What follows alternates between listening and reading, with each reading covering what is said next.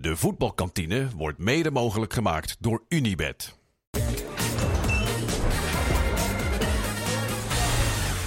Jordi, ik ben nog aan het uithijgen van de Europese week die we achter de rug hebben. Wat is er allemaal gebeurd? Eh, te veel om op te noemen. Turkse Zeker. scheidsrechters worden neergeslagen. We hebben prachtige doelpunten gezien in de Champions League, Europa League. Champions League vrouwen heb ik nog gezien.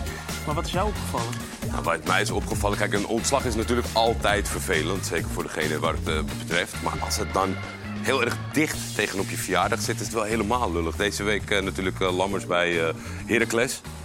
Een dagje gewacht vanwege zijn verjaardag. Ja. Eigenlijk maakte dat het extra pijnlijk, vind je niet? Ja, zeker. Ja. Komt daar 's ochtends binnen met mooie slagroomtaart en koekjes voor iedereen. En om dan te horen dat het afgelopen is. Ja, ik vond dat wel echt... Soms valt alles samen op. Eh, ik denk een hele rottige dag voor John Lammers. Denk je dat het er iets mee te maken heeft gehad dat hij die taart meenam? Dat ze dachten. eh, Weet ik niet.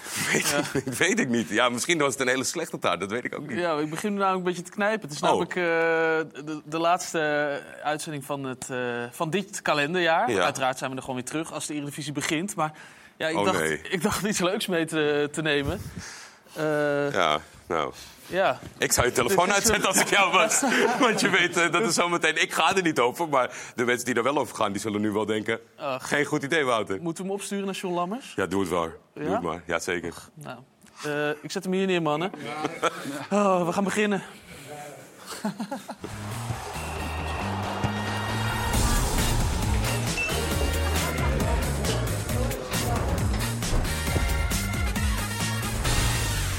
Goedemiddag, fijn, goed en vooral begrijpelijk dat je weer kijkt naar de aftrap van het Eredivisie Weekend. Dat gaan we niet met z'n tweeën doen, dat gaan we doen met een hele volle kantine.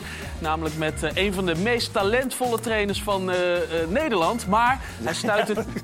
Het is niet Robert Maaskant, hij is er wel, kan ik je. Hij stuitte twee keer op een, op een grootheid, waardoor het niet lukte bij zijn club. Straks horen we wie die waren, die grootheden.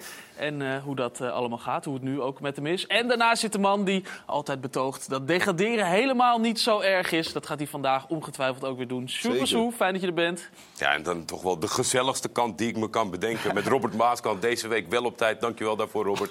En de inmiddels als prof gestopte Randy Wolders. Welkom terug. Uiteraard, eh, Max is er ook voor alle data en getallen die je hebt eh, en, en vragen die je hebt rondom het voetbal. En Nick die zorgt voor drankjes, alles wat je wil wensen. Dus eh, roep dat vooral, Robert. Nick, heb jij een colaatje met prik? Misschien wel leuk. Eerlijk. Sorry Nick, zo gaat het ook. Het is, het is heel hard hier het leven. Eh, even, ehm Sjors en Randy, jullie kennen elkaar van jullie tijd bij FC Utrecht. Utrecht, ja, tijd geleden al. Ja, maar, ja. Hoe ging dat? Ja, we hebben niet heel veel samengewerkt. Ik deed toen de clinics op de woensdagmiddag. Dat noemen we de Forza Tour. Dan ging je langs bij een amateurclub in de regio. En dan kwam altijd één speler van Jong. En van het eerste elftal langs voor even meevoetballen en eh, een soort van eh, persconferentie. En we zeiden, Randy deed dat fantastisch. Dus Ja, jij was daar uren en uren met die kinderen in de weer. En dan kwam Randy even een half uurtje de, de show stelen en dan ging die weer. Ja, maar je had profs die kwamen echt wel een beetje met ja, zo'n verplicht gevoel. Gepaste tegenzin. Ja, heel snel, heel snel weg en weinig zeggen. Nou, Randy was altijd met zijn eh, kenmerkende enthousiasme. En echt leuk om erbij te hebben. Voor die kinderen ook fantastisch. Dus dat deed hij, eh, deed hij heel goed. Hoe is het met jou, eh, Sjors? Goed? Ja? Dat klinkt heel zielig, maar ja, nee, gaat, Ja. gaat goed. Hoe, hoe is het om tegenover Jordi te zitten? nou, jullie, eh, nou ja, Ja. een klein conflict kan ik het wel noemen. Hebben wij een conflict gehad? Nou ja, je hebt hem in een van onze uitzendingen, ehm, hoe heb je hem ook weer genoemd? De, de, de voorzitter van de Boerak Yilmaz Ik fanclub. zag geen compliment. Ehm, nou, niet denk ik als jij eh, niet, niet zo eh, go- goed loopt met Boerak in die Ja, dat idee is een beetje ontstaan, maar ik heb met Boerak echt prima kunnen werken. Kort, Ja, eh, niet krachtig. nee, ja, Boerak kwam toen... bij Fortuna, uiteraard. Fortuna, ja. Week, eh, week vijf van de voorbereiding kwam die binnen. Nou, dan zul je hem net hebben, zeg. Ja, een loketje zo. Achter is hij. Ja. Ja Weer een nieuwe functie. Nou ja, het was, het was wel in ieder geval... Het liep niet zoals ik had verwacht, maar de meter was wel iets vaker in beeld dan Ja. dit seizoen. We hadden een speciale Boerak Yilmaz meter. We hadden namelijk gedacht, eh Sjors Ulte en Boerak Yilmaz, dat wordt een, een superteam. En die gaan samen heel, heel veel Ah. doelpunten eh, scoren. Ja. Dus we hadden een, een, een buis. We hadden een verlengde voor de buis ook. Want we denken, die kan wel eens heel eh, hoog gaan worden. Dat viel toch een beetje tegen. Ik moet zeggen, we hebben geen gelukkige keuze wat betreft eh, meters. Want dit eh, jaar hadden we Kevin van Veen hier in de hoek staan. Dat is ook ik, nog geen... ik weet niet eens meer hoe het is om daar naartoe te lopen. Geen succes. Nee, maar, maar op een gegeven moment... eh, kijk, Jordi was ehm, op een gegeven moment naar Fortuna gestuurd om een interview te doen met uh, Burak Yilmaz. En, en vond, je dat, vond je dat niet zo leuk dat je dat toen zei? Omdat je het had over... Nee, joh, ik de voor- Jordi heeft mij geappt in de zomervakantie. Komt hij echt? Want dan neem je vakantiedagen op. Ja. Nee, kijk, Boerak kwam ik zeggen, in week 5 van de voorbereiding. Terwijl Paul Gladon de spits was. Die ons ja, mede met andere spelers met een grote rol had in de handhaving. Echt een goed half jaar gedraaid. Bijgetekend voor een heel mooi contract. We draaiden een goede voorbereiding met Paul als spits. Die maakte ook een hoop goals. We gaven druk met drie spitsen. Nou, dan moet de spits ook echt wel gas geven, kan je je voorstellen. En we hadden best wel leuk staan. We waren tevreden over de voorbereiding. En dan kwam Boerak binnen. En dat is heel dubbel, want er komt een topper binnen van ongekend niveau. Maar in één keer wordt alles verstoord. Je kleedkamer, je speelwijze, want ja, druk geven met Boerak, dat kan gewoon niet. Eh, Paul Gladon, van nummer 1 spits, grote rol naar, Goed contract gekregen. naar de bank toe. Ja. De spits die erachter zat, had helemaal van, jij kan mijn koffers pakken. Dus er veranderde zoveel in de club, maar ook in de opgebouwde speelwijze. En dan kwam bij Boerak, had een maand of drie niet getraind en gespeeld, geloof ik. Nee, dat zou kunnen kloppen. Ja, Ja, ook voor jou. maar ja, want ik moet als trainer hem toch inpassen. Terwijl je eigenlijk denkt, ja, drie maanden niet getraind gespeeld. De andere spits die ik heb is fit. Past in de speelwijze. Dus ja, er ontstond zo'n, ik zou bijna zeggen, chaos. Was, was de eigenaar heel dwingend? En dan zal hij niet echt gezegd hebben, je moet hem opstellen. Maar was hij heel dwingend naar van... nou, ik zou je toch bindend advies geven om hem wel op te stellen? Ja, en ik kwam tegelijk ook bij, als je op de training keek hoe goed hij het kon afronden.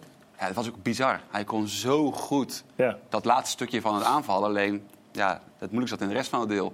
Opbouwen, druk zetten, afjagen. Ja, maar de nee. kwaliteit was zo duidelijk aanwezig, ook dat bij jezelf. Ik ben ook gek als we niet gaan inpassen.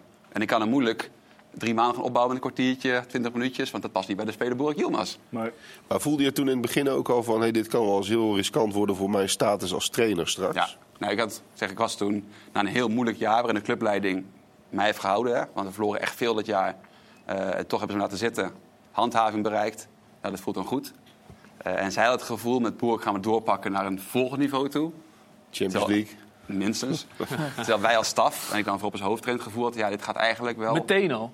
Ja, meteen wat je weet, zeg je hebt een bepaalde speelwijze, een idee. Maar Ja. ook eh, ja, zo'n grootheid. Ik heb toen gezegd, hij is groter dan de club.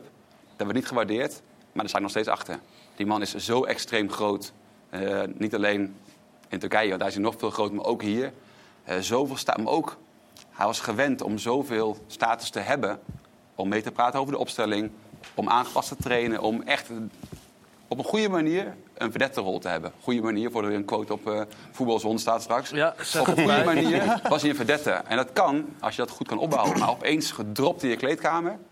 met het wachtspatroon van media, supporters... een goede spits op de bank... Ja, en dan verloren we van Ajax en Twente. Nou, dat kan gebeuren, zou je zeggen. Zou je zeggen? Maar met die combinatie van factoren... Het doet me een heel klein beetje denken eh, aan toen Pierre van Hooydonk terugkeerde bij NAC. En dat was toen een heel romantisch verhaal. Hè? En hij had toen nog heel veel status, Pierre. Die kwam terug, die zou een kledinglijn krijgen. Die, eh, het hele auto. elftal werd om hem... grote auto. Ja, grote auto. Victor Sicora moest per se komen, want die kon er lekker om hem heen spelen. Dus eigenlijk was die hele club werd afgestemd op Van Hooydonk toen. En dan krijg je op een gegeven moment dat de verhoudingen heel moeilijk te beheersen worden. Dat was binnen een half jaar was mislukt. Ja. Dat is bij NAC anders nooit. Nee, nee. Heb je het daar wel over gehad? Zeg maar, heb je daar wel wat van kunnen zeggen? Zeg maar, dat je, Nou, ik heb met Boerak zelf kon je echt goed praten. Want die was in het begin ook reëel over eh, bijvoorbeeld... ik kan niet gelijk in de basis staan, maar drie maanden niet. Alleen ook hij werd In het wel Engels wel, want het was altijd gedoe met interviews. Ah, dat, dat weet jouw buurman ook wel. Hij kon beter Engels dan, dan die deed voorkomen. Hij was, dat was een mooi Het was smoesje. een, het was een keuze. Een mooi smoesje om de media een beetje weg te duwen. Ik kan geen Engels, want hij kon goed genoeg Engels voor goede gesprekken. Ehm, maar hij stond wel open voor een gesprek, dat bedoel ja, ik. alleen een beetje... Kijk, simpel voorbeeld, het aanvoederschap. Wij hadden het gevoel, als je geen media wil doen... Ja, kan je ook geen aanvoerder Nou, zijn. ja.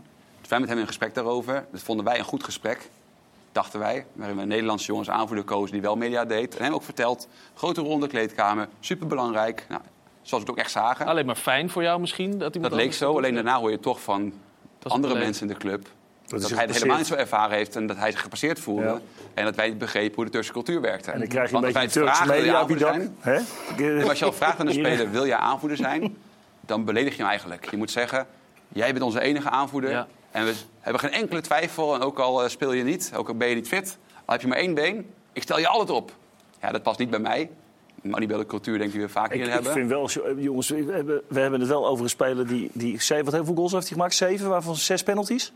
Weet jij volgens mij zijn we geëindigd op 12. Nou ja, Ja, de hij, hij heeft best een aantal Ja. goals. En ik vind het ook een goede speler, maar hij heeft zo kort in de Nederlandse Eredivisie gespeeld... dat wij nu een seizoen later nog over hem zitten te praten. Ja, omdat Sjors er is. Ja, dat heeft wel Ja, met nee, maar George heeft natuurlijk veel meer meegemaakt. hè. Zeker, daar is gaan we het zo, want hij stuitte ook nog eh, kort, kort geleden op een andere grootheid. Dat was eh, Henk de Jong natuurlijk. Gaan we het straks over hebben. Maar even Sjosje, want je bent het nu natuurlijk allemaal aan het verwerken. Je bent weg bij Cambuur. Het schijnt dat je daar een puppy voor nodig hebt om dat allemaal een beetje eh, kwijt te raken. Lekkere gasten zijn het, hè? Leuk? Ja. Hoe zit dat?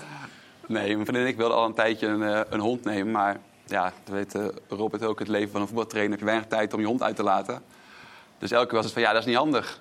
En nu had ik even tijd over, dus... eh, nou, een laten komen. een mooi moment om een puppy Je wil wel weer trainer worden, toch? Jawel, alleen je waagt de eerste paar maanden met zo'n hondje. zijn de Een beetje belangrijkste. Martin, Martin Gauws rubriek nu niet, met haar. de eerste Nou, paar maanden. jij zegt dat. maar Ik vroeger bij RBC, ik, ik heb nu nog steeds een grote Zwitserse scène. Dat zijn serieuze honden, tussen de 60 en 80 kilo. Die heb, die heb ik nu weer. En eh, voor het geval dat de inbrekers meekijken. Eh, maar die nam ik mee naar de club. Maar dat was altijd prachtig, want die, eh, ja, die, die liep daar rond. We trainen op een boerderij ergens in de bossen daar in Roosendaal. En dat beest liep daar heel parmantig liep, liep die rond te stappen. Maar je hebt natuurlijk altijd een paar jongens, vooral vaak Marokkaanse spelers... die zijn echt doodsbang voor honden. Die, zo zijn die, dat zit gewoon in hun DNA.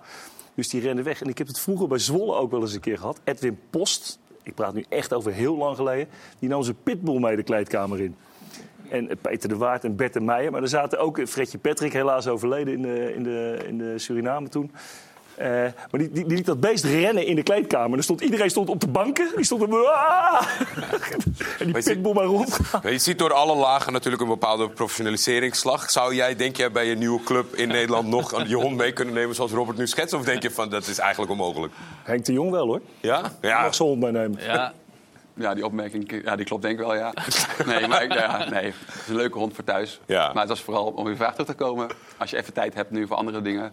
eh, concerten bezoeken. Gisteren Acta de Munnik geweest. Dat Ja. kan niet zomaar als je trainer bent. en morgen? Morgen weer. Ja, heel goed. Weg fan. Ja, je zegt, kan niet zomaar als trainer. Arno Slot die gaat eh, geregeld. eh, Dat staat me bij dat je op social media wilt dat hij naar een concert bezoekt, toch? Oh ja? Ja, je hebt ook Dat kan ook trainers die wel. Alleen gaan... moet uitkomen in je schema. Nee, Maurice Stijn zit ook nog wel eens op Ibiza. Daarom, ja. Dat is, eh, nee, absoluut. maar dat is lekker nu met zijn hond, maar ook met andere dingen. Je bent weer de baas over je eigen, eigen agenda. Normaal is voetbal één. Ja. En dan moet je eigen leven daar een beetje tussendoor. Heb je daar een, een bepaald eh, eh, ja, tijdspanne voor dat je zegt van het is wel even lekker om, om dat weer te kunnen doen, om, om met een hond te spelen, om, om thuis te zijn, om concerten te bezoeken, om hard te lopen? Heb je daar een tijd voor dat je zegt nou na drie, vier maanden of zo, dan, dan gaat het wel weer borrelen? Dan wil Nee, ik kijk, concreet. Ik had een jaar of vier Fortuna gehad. Het idee was, dan doe ik nu zeg anderhalf jaar Cambuur. En dan na dit jaar, na deze zomer die komt... had ik zelf ideaal gepland eh, met Henk te wisselen. Ja. Ik denk, Henk is, eh, is ziek geweest. Daar komen we nog op terug, begrijp ik. Maar dan is Henk ook weer helemaal gezond en fit. Dat zou een mooi moment zijn voor mij om eruit te stappen. Contact loopt af. Henk klaar om het over te nemen weer. En ik kan even na vijf, vijf en een half jaar in de tropenjaren even rust pakken. Dat is een beetje naar voren geschoven. Ehm, maar plannen is dan heel moeilijk, want eh, als ook, trainer... die, ook die situatie die je voor jezelf, zeg maar, of, of zeg je dan, daar ben ik heel straight in en ik had dat jaartje rust gepakt. Want het kan ook zomaar zijn dat op het moment dat jij het stokje overdraagt aan, aan, aan Henk de Jong, dat er een leuke club komt Ja. die zegt, George, kom maar hier. En dan? Ik had net over Acta de Munnik. Een van de liedjes eh, zeggen ze... Het leven is wat je gebeurt terwijl je andere plannen maakt. Ja. Dat is eh, als trainer helemaal zo. Je kan van alles plannen.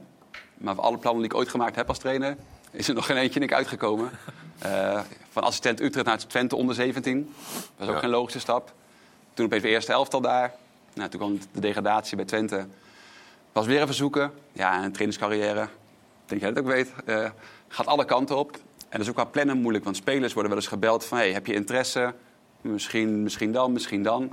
Maar een trainer wordt niet vaak gepolst midden in een seizoen. Nee. Zou je misschien trainer willen worden? Nee, het is altijd nu. Ja, dat is van we hebben onze trainer ontslagen. Ja. dat gaan we morgen doen, want hij is vandaag jarig. Eh, Ja. ben je beschikbaar, wil je? En ze gingen met Fortuna, ze gingen met Cambuur. Eh, en dat zal waarschijnlijk nu ook zo zijn. Dat Maar- je een telefoontje krijgt en opeens denkt... ja, maar voor mij is het ook zo, dat heb ik al vaker nu geroepen. Ik vind hoofdtrainer zijn leuk, maar ik ben nog jong. Assistent-trainer vind ik ook heel leuk. Het is een ander soort rol, Ja. waar ik ook echt mijn ei in kwijt kan. Ik vind hoofdopleidingen leuk. Een jong elftal heb ik eigenlijk overgeslagen, die stap. Dat zou ik ook leuk vinden. Het, het kan ook als trainer, dat weet ik, die kroonprins weet er ook weer van alles van. het kan ook opeens weer vo- voorbij zijn. Dat lijkt me zo, ook zo gek aan trainer zijn. Je kunt heel snel. eh, Neem, eh, schiet me even iemand te binnen, Fons Groenendijk. Dat, is, dat is lang, eh, was dat een gerespecteerde trainer. Antalya Met, Sjoerd, eh, laten we niet... ja, ja, dat was dus de laatste... ja, nee, het is een Oh, duo-functie, hij is- nog hij steeds is met weer Nouri. Dat is een verkeerd voorbeeld. Maar die hebt heel, veel- je hebt heel veel trainers die... die, die Er zijn gewoon het- veel trainers voor weinig plekken. Dat is, Ze zijn lang in beeld en dan kan het binnen een jaar... kun je gewoon een, een soort van wegzakken in de hiërarchie... en dan is er geen club meer die je noemt. Nee, nee, het, eh, het is heel vergankelijk. Ja. Ja. En dan kan me voorstellen dat dat in jouw geval... je bent, je bent jong, je hebt een paar mooie, mooie clubs gehad... of twee mooie clubs gehad. Eh, je, je kunt ook niet te lang wachten, zeg maar. Dat Nee, eh, zeker niet. Maar het is nu nog het is net twee maanden. Je hebt nog Ik heb even. niet het gevoel dat het te lang is. En wat wel fijn is, ja, het zal als speler zo zijn, als trainer zo zijn. Misschien ook wel als journalist. Eh, als je genoeg telefoontjes krijgt, heb je wel de bevestiging voor jezelf. Nou, ik zit goed in de markt en er is genoeg interesse. die zijn En er. ik kan kritisch zijn. Ehm, maar ja, je kan moeilijk drie jaar lang kritisch blijven. Want na een tijdje zullen ze ook denken van, die bellen we niet meer. Nee, maar je krijgt telefoontjes. ja, hoor, ik heb een puppy Ja. en ik krijg telefoontjes. Dus je hoeft je geen zorgen te maken over mij. Martin. Hè? Nou, hebben we dat niet? Ja, van Martin Gauws. Ik kwam je toch met een aantal vragen. Dat was en een club en word je gebeld. Maar je wordt gebeld dus ook eh, voor, eh, voor hoofdtrainerschap. Maar je hebt nog niet iets gekregen waarvan je denkt... Nee, over wat ik net zei, na, na de jaren hoofdtrainerschap, maar eigenlijk alle jaren vechten tegen degradatie, is het ook denk ik goed om even af te schakelen. Mm. Ik denk dat veel trainers daar ook wel eh, goede keuzes gemaakt hebben. Te zeggen nu even een half jaar even eruit om beter terug te komen. Gewoon Bij voorkeur start volgend seizoen. Als je, hoe je, Ja, gevoel maar, nu. maar dan kom je weer terug bij de Ja, plannen. nee, precies. Nee, maar. Gaat Ja, Acta ideaal. Weer eh, quoten. Nee, maar ideaal, ideaal gezien is de zomer natuurlijk wel veel lekkerder. Ik ben bij Fortuna en bij Cambuur halverwege ingestapt. Ja. Ik zou het heel lekker vinden om een keer bij een club te beginnen in de zomer. En een selectie te kunnen samenstellen met je TD in plaats van Ja. eentje te krijgen die je gewoon op dat moment is. Ja. Eh, met een groep die ergens onderin bungelt, weinig zelfvertrouwen heeft. Gelijk vol druk op elke wedstrijd. De zomer is wel veel lekkerder. De andere kant, ja, in de winter instappen, kan ook opeens heel goed gaan. Dat zie je het eerste jaar Fortuna. En dan is het ook prima. Ja. Randy, wat ben je stil? Je bent meestal een van de eh, meest... nee, ik zit lu- nee, ik zit te luisteren oprecht. Ik, eh, zit ademloos te luisteren. Zo kennen we je Ja. helemaal niet. Het gaat over trainers. Jij werkt, je speelt nu bij Katwijk. Ja. Je werkt met een van de meest eh, talentvolle trainers van, eh, van Nederland. Ja, absoluut. Ehm, hij gaat weg hè, bij, bij Katwijk. Ja, we Wat hebben, gaat hij eh, doen? Heeft hij, het- heeft hij het je al verteld?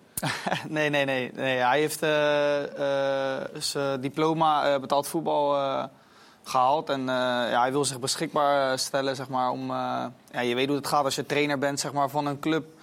En ja, in dit geval van een tweede divisie elftal, dan, eh, ja, dan zijn de clubs misschien toch wat, wat eh, afhoudender. En eh, ja, hij wil zich beschikbaar stellen. En dat is Maar het zou interessanter zijn als hij transfervrij is, bij wijze van, dan dat hij trainer is van Katwijk. dat, ja, Dat gevoel heeft, Dat- heerst er. dat denk ik dat dat... eh, of althans, daar is al eh, een opmerking over gemaakt dat dat eh, misschien... eh, Een reden kan een zijn reden voor kan geen... zijn, ja. eh, snap je dat, Robert?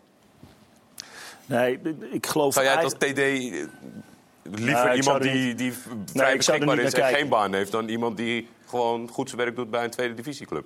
Nee, maar ik, als, als TD keek ik simpelweg naar het feit van wat, wat zijn iemand zijn capaciteiten.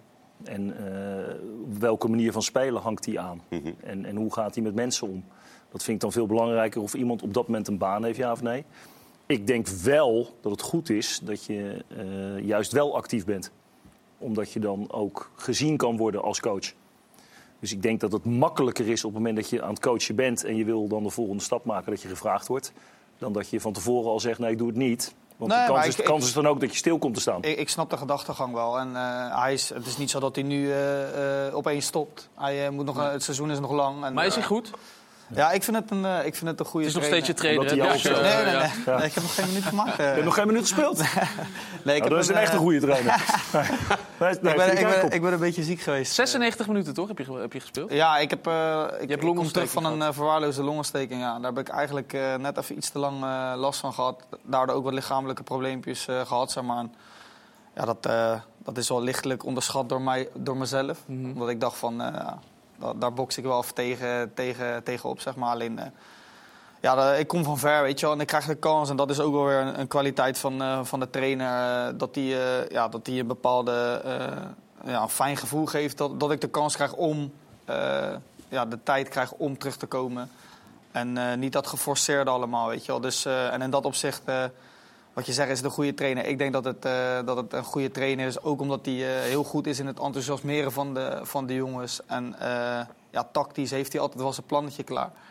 En, ja, en hij is al recht door zee. En dat, Dat vind je niet vaak in de, in Nee, de dus bij voetballerij. Katwijk altijd eh, een goed idee. Je hebt eh, lang in de Eredivisie Ja. gespeeld. eh.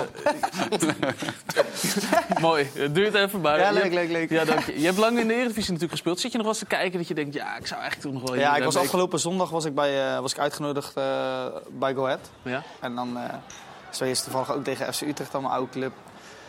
En dan, ja, dan zit je wel eens te kijken. En dan, ik had, afgelopen zondag had ik wel een momentje dat ik denk van... eh, kom op man, maak eens een actie op die linkerkant, Ja? weet je wel. En dan, eh, ja, tuurlijk, dat, eh dat kriebelt. Afgelopen jaar heb ik natuurlijk een aparte situatie gehad... met het, met het heel lang wachten, moeten wachten op, op mijn visa eigenlijk. En ja, dat is wel heel erg gefrustreerd, of frustrerend geweest. En nou ja, de derde afgelopen, afgelopen maand heb ik ja, een zoon gekregen, de derde kleine, zeg maar. En dat was eigenlijk de, de beweegreden waarom ik eh, ervoor heb gekozen om terug te komen naar Nederland. En eigenlijk te kiezen voor mijn gezin. Want je zat in Noord-Ierland? Ja. en daar zat je te wachten op een visum. Want wat Ja, was dat precies? Ik las allemaal- dat zelfs de dood van de Queen eh jou ja, apart heeft ja. Het was, eh, we waren aan het wachten op een, op een papiertje eigenlijk. Ja. En voor mijn gevoel was dat gewoon een document. Had zij dat moeten tekenen? Of, Nee, nee, nee. oh. Nee, maar daar is het heel erg... ja, het is gewoon bureaucratisch ge- geouwehoer eigenlijk, weet je wel. Het, is, eh, het moet allemaal... Volledig ingestoken door Brexit, deze moeilijkheden. Ja, nee, ja, ja. Ja. Vo- vooral door de brexit. En eh, eh, we hebben echt via een omweg ja, mijn visa moeten krijgen, de aanvraag, zeg maar. En dan, ja, was er iets specifieks met jouw verzoek? Of heeft deze club gewoon elke keer een ramp als er iemand buiten... Nee, nee, nee, absoluut niet. Want nu hebben ze meerdere Amerikaanse jongens eh, binnengehaald. En dat was allemaal geen probleem. Het was gewoon, ja, ik heb gewoon ongeluk gehad in, in deze, zeg maar. En eh, ja, voor mijn gevoel was het één papiertje of een document of een bestek, noem het maar op, wat Ja. een paar paraafjes en een paar eh, dingetjes getekend moesten worden. Alleen ja, ik kreeg elke keer het, eh, te horen van ja, het, het moet Nog iets langer, worden. Ja, het ja. werd uitgesteld, uitgesteld. En Is er niet ergens in dit pad dat je ging twijfelen of die mensen wel dat, Ja. daarmee bezig waren? Nou ja, ik heb op een gegeven moment wel gehad. Het, is, het was mooi dat ik het naar mijn zin had daar, weet je wel. Dus ik, Ja. ik, ik was echt elke dag... Ik had bijvoorbeeld eh, mensen zoals Ian Dowie... waar ik eh, veel privé ook mee... of zeg maar één op één eh, na, de, na de teamtrainingen mee trainde. Ja, dat is in Engeland is dat... bij Crystal Palace is dat een, een, een, een grootheid, zeg maar, weet je wel. Dus ja, dat waren wel allemaal beweegredenen voor mij... om, ja, om gewoon gas te blijven geven en te investeren in mezelf. Van als het moment komt, dan weet je wel, dan is en er was ook een heel plan. Hè. Ik zou gaan verlengen met, eh, met meerdere seizoenen. Eh, wellicht iets, iets eh, ja, in de jeugd te gaan doen, weet je wel. Hoe was het niveau daar eigenlijk? het niveau was, ik denk de eerste, de eerste, zeg maar de top 6 kan je wel vergelijken met top Jupiler League, rechterrijtje Eredivisie. En dan heb je wel echt een heel groot verval. En het, het, het, het mooie van die competitie is wel dat de intensiteit is zo hoog. Dus iedereen is zo fit. Iedereen is, ja, het zijn allemaal beesten gewoon dat ze, dat ze heel veel compenseren, zeg maar. Eh, ja, aan de bal konden ze ja, dat is niet een beetje veel, het enige zeg maar. wat ze hadden. Ja, en dan, Fitheid. maar ja, fitheid, eh, Ja. dat sloeg nergens op, weet je wel. Dat was echt bizar. En En- veel lange ballen, rammen, nou ja, koppen. wij, d- wat ik zeg, de, het linkerrijtje van de competitie probeerde echt te voetballen. Wij hadden wel echt een trainer die, eh, die is helemaal getikt ook van Ajax, van Barça, weet ik wat allemaal. Dus we hadden ook wel jongens, ook, weet je, met, eh, eh, uit, eh, uit Schotland, weet je, met Celtic-opleiding, Range-opleiding. eh, uit Engeland, zeg maar, wel jongens die gewoon echt aan de bal ook gewoon behoorlijk konden voetballen. Voetbalintelligentie hadden, weet je wel. En we hadden bijvoorbeeld Mark Randall, die, die zat bij Arsenal nog ehm, eh, bij de selectie, volgens mij in de halve finale nog tegen Barça toen. Ja. Ja, dat soort gasten, ja, dat zijn gewoon fantastisch voetbal. Alleen ja, dan speel je tegen Nuri uit. ja, dan eh, heb ik het gevoel dat ze met een linkeroog en een rechter constant kijken. Weet je, wel. dat, soms werden er ballen gespeeld dat je denkt van... eh, ja, wat ben je nou aan het doen, weet je wel? Komt er een lange bal en dan eh, kan je hem gewoon rustig aannemen. Nee, die laatste man die kopt hem Koppen, gewoon ja, ja, ja. vol terug. Dat soort dingetjes allemaal. En is het qua sfeer een beetje te vergelijken? Je hebt die, heb je die documentaire gezien, dat Welcome to Wrexham op Disney+. Plus? Ja, ja, ja. Is het een beetje Nou ja, daar is het wel drukker. Daar is het wel drukker. Bij ons moet ik zeggen, we hebben, het nadeel is zeg maar, dat er zoveel clubs in Belfast zijn. Dus er zijn gewoon eh, vijf, zes clubs in Belfast. Dus je hebt allemaal een beetje, die zijn supporters van die club, die club, die Terwijl als er één club zou zijn, dan zou het massaal zijn. Linfield bijvoorbeeld speelt eh, daar in het, eh, in het nationale Stadion. stadion, zeg maar. Ja. Ja, daar, zit, daar passen volgens mij iets van eh 20.000 man in. En daar zit dan met een thuiswedstrijd van hun zitten er 8, 9.000 man of zo. Ja. Het is wel voetbalromantiek ten top, hoor. Het is echt voor jou, is Ja, dat, eh, is... eh. Ja, het is wel, het heb, het heb ook wel echt wat. Weet je, het, het- moet ik zeggen, zeg maar, Larn, daar wonen 18.000 mensen. Daar zat jij, hè? Ja, en dat, daar leeft het zo erg. Dat, dat- dat- Weet jij wel dat jij Sjoerd een enorme trip door zijn neus hebt geboord toen je terug ja, ja, ja. Ja, ik wilde jou heel graag waanzinnige interviewen verhalen daar. over Ja. kunnen maken. Ja, tuurlijk. Ja, Nou ja, ik, word, ik word nog wekelijks gebeld door, door, de, door de TD van de club. Dus eh, ja, ik, ik zie het wel. Ik, ik, eh, ik heb nu echt specifiek gekozen voor mijn, voor mijn vrouw. Die had gewoon heel veel moeite met het afgelopen jaar. eh, dat ik mo- heb moeten wachten op mijn visa. Ja, en zij, zij was echt alleen, natuurlijk met familie en noem maar op. Maar ja, met twee kids. En eh, En in verwachting. ja, en in verwachting, zeg maar. Dus ze raakte een beetje, ja, een soort van in paniek, weet je wel. Van ja, maar Ren, ik, ik wil dit niet meer alleen doen, weet je wel. En toen, kijk, als je diep in mijn hart kijkt, ben ik eigenlijk nog helemaal niet klaar. Snap je wat ik bedoel? Alleen, ja, ik moet gewoon mijn verantwoordelijkheid pakken en, eh, en, er- en daar gewoon zijn voor mijn gezin, zeg maar, weet je wel. Dat, eh, Heeft het te maken met een gebrek ook aan aanbod in Nederland? Dat eventueel doorgaan als prof weer het buitenland zou betekenen? Nou ja, de- de- ja. in Ja. de zin van, eh, er waren al zeker clubs in maar niet, niet, niet waar je nog warm van werd, weet je wel. Eh, ik had graag teruggekeerd bij Den Haag bijvoorbeeld. Ja. En daar ben ik echt van mening dat ik, dat ik daar zeker van waar had kunnen zijn. En dat heb ik meerdere keren eh, aangegeven door de jaren heen, zeg maar. Eh, en tuurlijk zijn er clubs, eh, daar ben ik gewoon wel echt van overtuigd dat ik, dat ik van waarde kan zijn. Alleen de realiteit is, je bent 33 jaar, eh, de laatste drie jaar, je statistieken spreken ook niet je van het. Nee. En dan ben ik wel realistisch. Ja, dan, dan kiezen ze tegenwoordig gewoon voor jonge jongens met restwaarde. Dat Ja. is ook nu die hele hype. En toen ik 17 was, moest ik gewoon plaatsmaken voor iemand van 34. Ja, het is omgedraaid. En Pechgeneratie. Nou ja, pechgene- de pechgeneratie, ja, het is gewoon ook een beetje geluk hebben. En er moet bijvoorbeeld, eh, ik noem maar wat, eh, stel dat er een trainer had geweest die, eh, waarmee ik had gewerkt in het verleden. En die wel dacht van, hey, eh, ik heb bijvoorbeeld best wel wat contact gehad met Henk Vrezer bijvoorbeeld. En dat had bijvoorbeeld een gigantisch mooie kans kunnen wezen, zeg maar, weet je wel. Ja. Alleen uiteindelijk kiezen hun ook weer voor jonge jongens. En, weet je, en dat is wel de realiteit. En dat, dat heb ik gelukkig wel, dat ik het wel gewoon een plekje kan geven. En er zijn ook zeker wel momenten dat ik denk van... godverdomme man, Ja. eh, weet je, ik kan het nog. En, eh, Dus je, ja, kie- je- uiteraard kies je kiest voor je gezin, je bent Ja. er thuis voor ze, maar je zit wel voor de buis en denkt... ah, tuurlijk, tuurlijk. Ja, honderd, maar dat, het Had zou Cambuur gek kunnen zijn... bellen? Ja, maar ja, 100% Alleen wat ik zeg, kijk, het neemt niet weg dat ik het super naar mijn zin heb bij Katwijk. En eh, eh, ik ben ook trots. weet je, Ik heb ook met geen andere club willen praten, weet je. Want Katwijk is in dat opzicht. Eh, ja, ik ben daar ook kind aan huis geweest, weet je. De- door de jaren heen, zeg maar. Maatje van mij, Robert Suzanne, aanvoerder van ons, die, eh, die ken ik eigenlijk ook al van jongs af Je komt er uit de buurt. Ik kom eruit, dus 10 minuten van na. En dat is ook wel echt wat waard, weet je. Ja. Ik ben binnen 10 minuutjes op de club. Eh, ja, eh, grote En op prima niveau. Ja, ja en, een- en een behoorlijk niveau, 100%. Ja, Als je, als je kijkt de, de competitie, het is, eh, het is gewoon een... Zeker, Ja, je dat kan het zeker we- niet zie je ook eh, vanwege de, de, de beker natuurlijk. Zie je al die resultaten, Ja. zie je ook wat daar allemaal... nee, ja, 100%. En eh, het is een mooie club en ik ben trots dat ik, eh, dat ik daar ben. Dus, Mooi. We gaan het over de Eredivisie hebben, want eh, er wordt ook gewoon gevoetbald dit weekend. Vorig jaar hadden we natuurlijk een echte herfstmeister. Had alles te maken met die vervroegde winterstop vanwege dat WK. Nu kunnen we toch echt wel spreken over een winterkampioen. En dat gaat Maddie ook doen in Uitblinkers.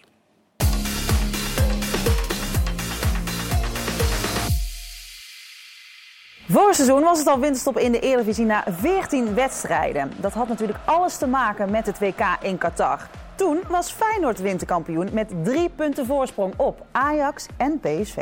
Ik eh, weet niet wat ons overkwam een beetje. Uh, liet ons verrassen. Nu is de winterstop na speelronde 16, maar is de winterkampioen al lang en breed bekend. En als we naar de voorsprong kijken, is de uiteindelijke landskampioen ook al bekend, toch? Ja, Mehdi, daar lijkt het wel op met eh, 10 punten verschil tussen de nummer 1 en 2. Laten we eens teruggaan naar het seizoen 2006-2007. Toen speelden we met de feestdagen door en waren er al 20 wedstrijden gespeeld toen de winterstop begon. PSV werd winterkampioen met 11 punten voorsprong op nummer 2 Ajax. Farfan. In één keer de korte hoek. En die zit erin. En dat is het grootste verschil deze eeuw tussen de nummer 1 en 2 met oud en nieuw. Die voorsprong van 11 punten verdween echter als sneeuw voor de zon. En uiteindelijk scheelde het maar één doelpunt in het voordeel van PSV. Dat herinneren we ons allemaal nog.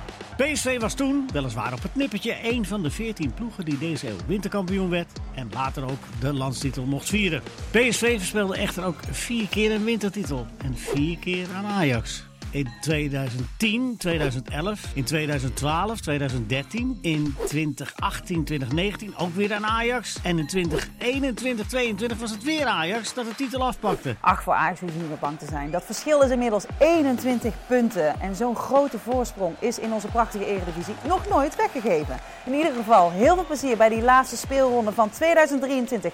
En voor daarna geniet van de feestdagen. Waren de hekken dicht? Mooi. Winterkampioen dus eh, PSV. Straks gaan we even kijken bij eh, NEC Fortuna. Maar eerder komt breaking news. Fabrizio Romano, de transfergoeroe, die zegt dat eh, Donny van der Beek gehuurd wordt door Frankfurt tot het eind eh, van dit eh, seizoen. Optie tot koop, 15 miljoen, niet verplicht. Ik. Eindelijk voor hem. hè. Ja. Hij heeft natuurlijk eh, wel echt veel te lang bij het United gezeten. Ja. Dus Naast het werd ook wel tijd. Maar ja, ik denk, de- de- mijn eerste gedachte is Bundesliga, vrij fanatiek. En omdat hij zo lang heeft stilgestaan, dan ja, lijkt me Ik heel heb dus moeilijk. exact dezelfde gedachte. Ja. Ik vraag me af of dat een goede keus voor hem is. Met Nou. het tempo wat er zeker bij Die zit ook te kijken, Donny. Die denkt... eh, Nou, nee, maar ik bedoel, eh, we zitten hier toch niet om... eh, Zeker, hoeft het de niet. beeldvorming, de vorige speelronde, 5-1 gewonnen van Bayern München. Uitstekende Zo'n ploeg, hè? Ja, nee, maar de, de- de- volgens mij is het een ploeg die fantastisch draait en een heel hoog tempo speelt. Ik vraag me af of hij daar nou bij gebaat is. En Ja. misschien zien zij dat ook wel, hè, dat ze gewoon zeggen, we pakken er eentje extra bij die een goal kan maken. Zeven in de Dat Bundesliga. kan hij natuurlijk wel. Nou ja, dat kan hij eh, zeker. Kijken hoe hij het eh, gaat doen. Dan gaan we even kijken bij NEC Fortuna. Sanne van Dongen is daar. En eh, we gaan de Eredivisie eh, eh, week aftrappen daar. Sanne, goedemiddag. Wat heb je gegeten? Wat ga je eten? Belangrijke vraag. Goedemiddag. Ja, ik zal het even laten zien. Het is eh, heerlijk krieltjes met kip en een stokbroodje. Ik zit nog midden in mijn maaltijd. Ja, we zien dat je wel al- bent begonnen. Ja. Mario zit in is vol. die, vo die vond het kippetje zo lekker dat ik als het tweede bord... Tweede bord. Mario trouwens, eh, Donny van der Beek naar Frankfurt. Mooi. Mooi? wist niet dat hij Duits sprak. Ah, ja, Duits spreken hoeft helemaal niet. Voetballen met je voeten, toch? Goed, Mario vindt het mooi. Ja, we hoorden het. Dat hij iets met Duits spreken. Ehm, eh, bij NEC zijn ze, zitten ze er goed in, hè? Ja, zeker. We gaan eigenlijk bij twee ploegen langs die er wel lekker in zitten. Dat eh, is altijd lekker. NSC heeft twee keer gewonnen. Nou ja, dan kan je ineens weer omhoog kijken. Het is een beetje het geval. Vorige, twee weken geleden was ik met Mario bij Herenveen. Toen waren ook van de witte zakdoekjes naar ineens alles weer rooskleurig. Bij NEC is eigenlijk hetzelfde aan de hand. Ze hebben 1-3 gewonnen vorige week tegen PEC Zwolle. Heerlijk doelpunt van Juri Baas, die overigens niet in de basis stond. Kijk of dat eh, vandaag wel zo is. Maar Kelvin, Kelvin Verdonk doet het gewoon heel goed daar op, eh, op die linksback. Maar ze zitten dus in de lift en omhoog kijken. Ja, ik zie ze hier gewoon allemaal eten hoor. Ze kijken nog niet echt omhoog. Letterlijk. Leuk, Ehm, overigens, ik heb nog iets leuks trouwens. Bij NEC is een, ehm, eh, de speler, Magnus eh, Matson, Madsen, die eh, is natuurlijk heel goed in voetballen. Die kan het best scoren van NEC, heeft de meeste assist. Maar hij is ook DJ. We kunnen hem eigenlijk wel de, de voetballende Martin Garrix noemen. Hij heeft ook een lekker matje, matje Madsen. Ehm, maar hij gaat ook een nummer maken vandaag in, in, in de aanloop naar de wedstrijd toe, bij de warming-up. De laatste twee sprintjes, dan wil hij er even lekker in zitten. Dan heeft hij van een echt NEC-nummer gewoon een techno-nummer gemaakt. Nou, ik hou heel erg van techno. Ik weet niet wat jullie muzieksmaak is, dus ik heb er wel zin in. Maar hij zei daar in ieder geval het volgende over. Ja, Academic. Jazeker. Ja, dat, eh, dat is een, eigenlijk een oude liedje van, eh, ja, weer trekken wij ten strijde van Nijmegen. Maar ik heb, eh, ja, hoe zeg je, een beetje moderne techno, hardstyle eh, dingen gedaan op deze oude liedje. En eh, ja, dat, dat gaan we spelen op, eh, op het stadion. En eh, ja, dat vind ik heel leuk en heel fijn. En eh, ook een beetje, ja, niet raar, maar het is gewoon, ja, funny feeling dat mijn muziek is op het stadion, denk ik. Ik ben heel erg benieuwd, Sanne. En dan de bezoekers, Fortuna. Ja, eigenlijk zit het een beetje in dezelfde situatie. Hè? Kijken ook alleen maar omhoog misschien wel naar Europees voetbal. Ja, ja, als ook Fortuna eh, nou, aan Europees voetbal denkt, dan denk ik dat eigenlijk heel, heel de competitie wel aan Europees voetbal denkt. Misschien wel 16 teams kunnen wat dat betreft dit jaar aan Europees voetbal denken als ze de, als ze de winststop ingaan. Ondertussen wordt het nummer hier even afgespeeld volgens mij. Keiharde techno, dat komt helemaal goed. Nee, maar Fortuna ook twee keer op rij gewonnen. Die hebben gewonnen van Vitesse en van RKC. Dit nummer van Noslin, ja, het was een mooi doelpunt. Eh, genoeg om zijn shirtje gewoon eh, lekker bij uit te doen. Maar het gaat een beetje om die buitenspelers. Hè. Noslin doet het hartstikke goed. Het is, nou, zo mooi vind ik het trouwens ook weer niet om die shirtje uit te doen. Maar Fortuna, als ze vandaag winnen. Het is eigenlijk de strijd, soms zeg je de strijd in het linkerrijtje. Vandaag is het eigenlijk de strijd om het linkerrijtje. Want ja, Fortuna die staat nu negende, de laatste in het linkerrijtje. NEC de tiende, rechterrijtje, dus de bovenste. Dus wie het vandaag wint, eindigt in het linkerrijtje. Dat is eigenlijk het verhaal van de wedstrijd.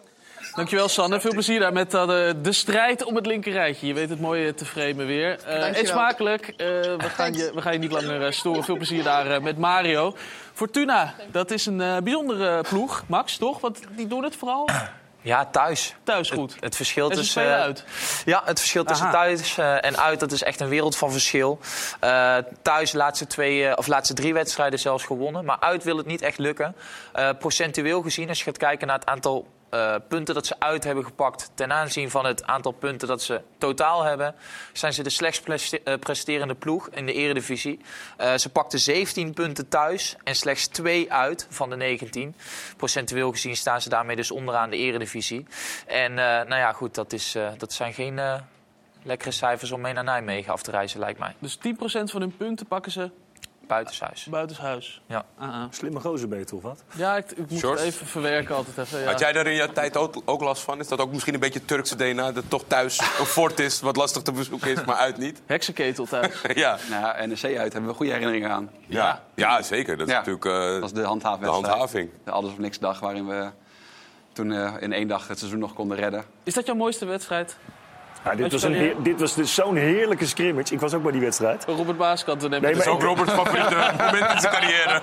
Nee, maar dit, is- ik kijk even hoe die bal van de lijn afhaalt. En de reactie daarna. Ja, dit vond ik echt... Dit vond ik, zo, dit Ja, vond ik nou als echt... je nu kijkt, die, die drie slijdings en dan nog Ja, van de lijn halen. dit ja, was dat- echt zo'n heerlijke scrimmage, vlak voor tijd. Echt helemaal de boel op zijn kop daar. Karakter, hou ik van. Ja, mooiste wedstrijd. Ja, dankjewel. Ja. maar, Ik, ik deel, ik deel, ik, ik deel, ik deel het enthousiasme. Volgens, volgens zo'n Fleming dan nog een beetje. Is het is het moeilijk als trainer? krijg je natuurlijk ontzettend veel spelers waar je misschien goede Nee, contacten zeker. mee hebt. Maar hij doet natuurlijk hartstikke goed in, Ja. eh, in Championship. Nou, jullie, en jullie niet zelf, maar ESPN is een documentaire aan het maken geweest over deze wedstrijd. Eh, voor mij heet hij een standbeeld voor Zian Fleming. Nou, toepasselijk. Ja. En daarin wordt onder andere Zian eh, en nog een aantal andere spelers en ik geïnterviewd. En dan, eh, ik heb Zian een, een half jaar geleden in een interview eh, toebericht dat hij Oranje nog wel eens zou kunnen halen. Wel eens. Dacht laatst onder voetbalzone, Ulte kritisch op beleid Koeman. Was niet helemaal wat ik zei. Ik zei dat hij het ooit zou kunnen halen. Hij is wel een keer creatief, moet ik zeggen. Jawel. Nee, maar ik denk dat Sian eh, deze zomer al stappen kunnen maken naar de Premier League. Ja. Of met zijn eigen club. eh, of via een transfer. Ja, Millwall, graag- hij. Millwall, ja. Ze willen zo graag promoveren dat ze hem behouden hebben. Waar ik ze ook gelijk in geef. Wij deden hetzelfde bij Fortuna. Ja. Maar ik denk dat hij met zijn eh, instelling, zijn kwaliteiten... Dat is wel echt nog wel stappen kan gaan maken. Want, eh, nog even hoor, die documentaire. Jij bent inderdaad ook even aan het woord. Fleming is aan het woord. We hebben, we hebben wat. We kunnen wat laten zien van wat jullie daar hebben gezegd. Oh. Gaat, er, het gaat er onder andere over de stress die jullie hadden die dag. Maar ik weet wat ik nog echt wel schrok. Dat zij in die eindfase een keeper meestuurden. Want het was wel duidelijk, ze kunnen Europa echt niet meer halen. Want ja, gelijkspel was niet genoeg en het was helemaal einde wedstrijd. Dus doet er echt alles aan wat je kan om ons eh, eh, iets door de neus te boren. Ik kan nog herinneren dat ik tegen, de tegen hun trainer zei. Ze zei van, wat, wat ben je nou aan het doen? Stuur die keeper terug. Wegwezen man, blijf gewoon in je goal staan. Wat ben je aan het doen? Het is goed zo, weet je wel. Stop met, stop. Je hoeft niet nog iemand naar voren. Je hoeft niet zo haastig op zoek te gaan naar die gelijkmaker. Want we hebben dan allebei niks, soort van. Nou, zo werkt het natuurlijk niet. Fortuna houdt de adem in. Tilburg hoopt. Schöne achter de bal. En die wordt daar binnen gelopen bijna. Branderhorst nog een herkansing. Tafsan legt hem voor zijn linker. En die stuurt hem. Och, wat een geweldige actie zeg van Zian Fleming.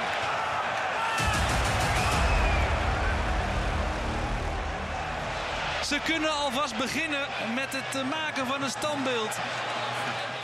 Eh, Ook compliment voor de commentator dat hij gelijk ziet dat Fleming niet boven de lijn komt. Sjors Blauw. Ja, Sjors, ja. Want eh, dat is echt niet zo... In de eerste instantie moet je even... Je denkt eerst dat die keeper hem... eh, die, die, Op de, op de bank, ook? op de bank zeiden wij, goede redding. Ja. Ja, ja. En pas, eh, Er ja. staat mij nog wel bij over die fase in de competitie van Fortuna... dat eigenlijk alle evenementen op het veld waren rondom Sian Fleming. Zowel voor als, als achterin wat dat betreft qua inzet. Ja, hij zegt Paul Gadon ook echt een grote rol daarin. Ja. Siovas, die in de winter erbij kwam, die niet kon trainen, want hij was niet in staat om training af te niet, werken. Die liep rondjes elke dag. Maar het was sowieso... de eerste wedstrijd moest hij nog, eh, kon hij nog in 90 minuten spelen. Moest hij Ja. er nog af. Ja, het verhaal is groter dan Zian, maar als je er eentje uit moet pikken, ja, Maar dan is zeker weten Zian. Maar Van alles in dat team. Ik, ik Ja. kan me nog dat interview na afloop ook herinneren van Fleming en, en, en Seuntjes natuurlijk. Ja. Die toen net had gehoord over zijn broer ja, we hadden sowieso een tijd al voor de wedstrijd eh, het verhaal van Ben Rienstra en de hartproblemen. Ja. Eh Lukoki, die overleed, terwijl een van de beste vrienden eh, bij ons in het team speelde. Ivo Pinto, onze rechtsback, zijn vader overleed in de week voorafgaand. En hij wilde per se toch spelen. Eh, nou, dan het verhaal van Mats Seuntjes en zijn broer. Ja. Dus er gebeurde zoveel in die laatste periode voor die wedstrijden. Ja, en dan is je met, eh, met een hele goede reeks als voetballer. Want we hadden een hele matige reeks voor de winter. En na de winter klommen we op en deed iedereen dat. Want ja, we weten allemaal dat eh, heel veel clubs zo'n punt aan het pakken waren. Denk alleen aan Sparta, die toen met Stijn opeens toch inbleven. Ja, er kwam zoveel emotie bij elkaar. En het moment van afsluiten. En dan zie je ook wordt Mats Seuntjes dat op de grond vallen in tranen. Maar voor iedereen denk ik wel eh, een hoogtepunt in, eh, in heel veel jaren geweest, die wedstrijd. Dat snap ik, ja. Ja. Heerlijk man, degradatievoetbal. Ja, precies. Dat wil ik zeggen. Dat is niet, niet degraderen, toch net iets leuker dan wel degraderen. hoor. Nou, dat is Sjoerd het niet helemaal met je eens. Dat Ja. gaan, daar gaan we het zo over hebben. Ja, Ja. daar komen we straks uiteraard nog over te spreken. Straks zijn we terug en dan gaan we het hebben over eh, die trainers die zijn vertrokken uit de Eredivisie en de Keukenkampioen-divisie. Het waren er acht in totaal. Dit is er één van. Heel graag. Tot zo.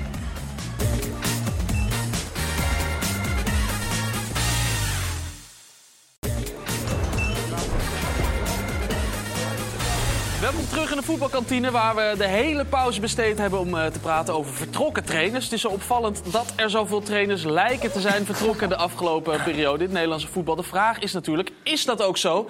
Er is maar één man die dat weet. Max, hoe zit dat met die trainers? Zijn er zoveel weg? Nou ja, er zijn er eh, in het Nederlandse voetbal, de hoogste twee niveaus, zijn er acht weg. Eh, voor de Eredivisie zijn dat er vijf. er is één seizoen geweest waarin dat er meer waren. Dat was in het seizoen 1998, 1999. Toen gingen er zes Eredivisie-trainers. Hierbij is wel even belangrijk, want eh, er staat trainerswissels voor de winterstop.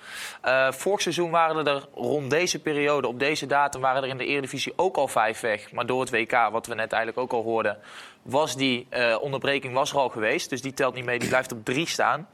Maar vijf in de Eredivisie is al veel.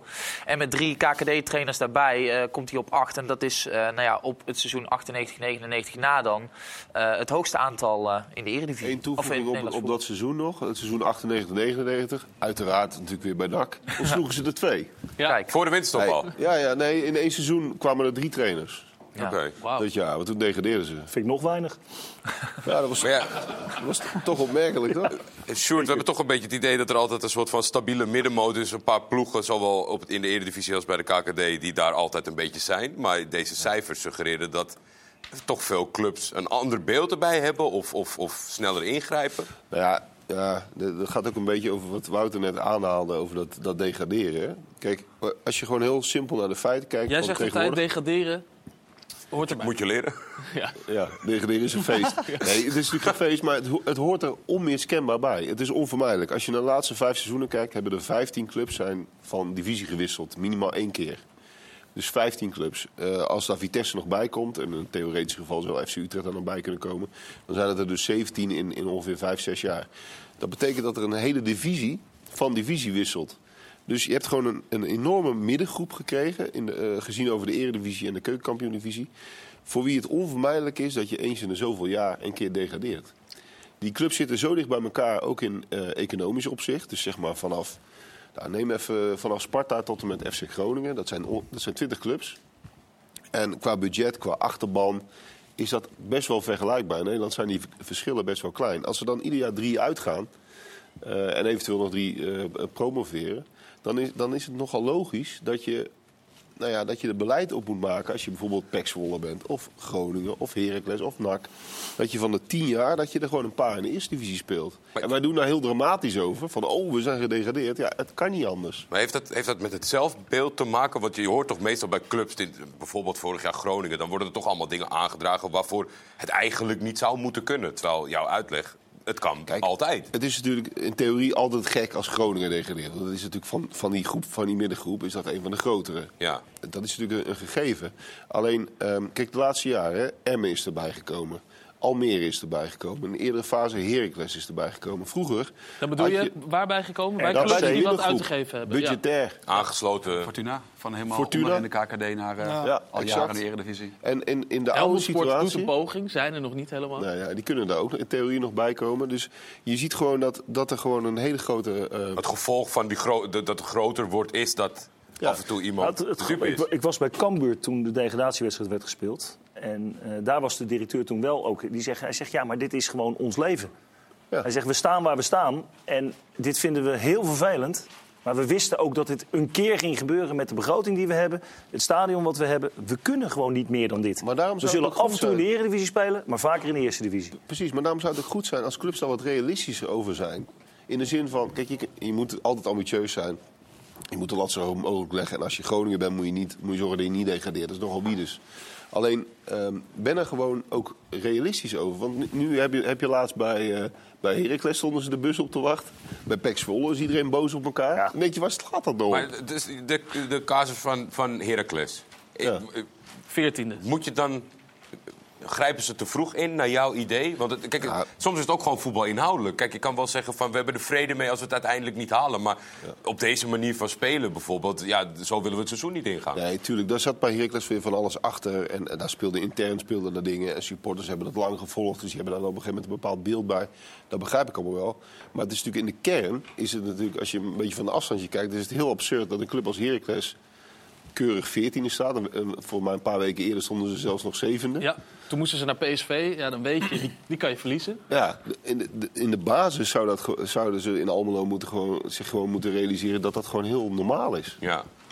Maar is dan, eh, zeg maar, wat het, de, eigen, de eigen supporters waren zeer ontevreden over het, over het spel. Maar is dat dan, als we dat kijken, te kritisch? Of Nou ja, dat heeft ook met, de Je mag uitslagen, natuurlijk- dat heeft ook met je uitslagen te maken. Wat ik opvallend vond, is dat, dat Henry Kruse het er ook niet mee eens was. De Als deel van de technische staf. En dat, dat is natuurlijk wel een jongen die echt eh, uit Almelo komt. Die goed kijk- een goede kijk heeft op voetbal. Eh, dus daar, de- dat is niet een besluit genomen waarvan iedereen zei van John Lammers moet nu maar weg. Want er kloppen een paar dingen niet. Kennen elkaar ook wel goed, hè? Rick Kruse en eh John Lammers. Ja, dat is dat erg? Nou ja, dus als je bevriend bent. Oh, ja, door- Dan kan je is, makkelijk ja, is, zeggen het van, moeilijk om te, is het niet Ja. moeilijk om te zeggen Ja. van... ik snap het wel, eh, het ziet er niet uit en hij moest weg. Is dat Nou ja, ik vind het, haalbaar? ik, het als... heeft mij verra- ik had verwacht van Nico-Jan Hoogma dat hij langer vertrouwen zou houden in zijn trainer. Gewoon vanuit de statuur die hij heeft. Om te zeggen, nee, wij, wij beschermen John Lammers nu. Kampioen met ons geworden, gepromoveerd. Wij staan nu achter onze technische staf. En we gaan zorgen dat het met z'n allen beter gaat. Maar Ja, voelen dat had dan- ik verwacht. Had ik ook verwacht. Maar Randy voelen heeft- ze, dan, voelen ze dan de druk van de supporters of zo? Ik, ik denk wel dat dat de grootste drukfactor is realiteit- geweest Ja, bij kijk, dit als de, spelers, als de spelersgroep begint, dan ben je kwijt. Als de spelersgroep gaat. En als dat zo is. Ja, misschien is dat zo, dat weet ik niet. Maar de- ja, dan ben je klaar. Als die maar je hoort dat lopen misschien intern rommelt. eh, weet jij veel, eh, supporters krijgen dat... eh, er zijn supporters die eh, ook op de, op de club leven, zeg maar. Die krijgen dat misschien ook deels mee. En dan, ja, dan kan er wel eens iets geks ontstaan, toch? Lammers had wel gezegd dat de spelers ook wat geëmotioneerd weer waren toen hij weg moest. Dus ik kan me niet voorstellen dat hij de hele spelersgroep kwijt was. Randy, jij hebt overal nergens gespeeld. Ja. Heb jij wel zo bijzondere momenten een, een trainer ontslagen zien worden? Ik heb in Griekenland heb ik... eh, Dat telt bijna niet, hè? in Griekenland Als je die zin zo begint. Ja. Dat is cultuur. In Griekenland stonden we bovenaan en eh, op een gegeven moment eh, heb ik gehoord dat er een, eh, een, een etentje was of, een, of, een, of een, eh, in ieder geval een bijeenkomst met, eh, met de president, eh, de vicepresident, eh, de trainersstaf, weet ik wat allemaal. En daar was een kleine oneenigheid eh, eh, besproken, zeg maar. En eh, toen een week later had ik, eh, was de trainer die me had eh, gehaald, die was opeens weg. Als koploper van de competitie. Eh, ja, we stonden bovenaan, ja. Ja. ja. en dat, dat was wel apart. Was er even iets misgegaan met eten?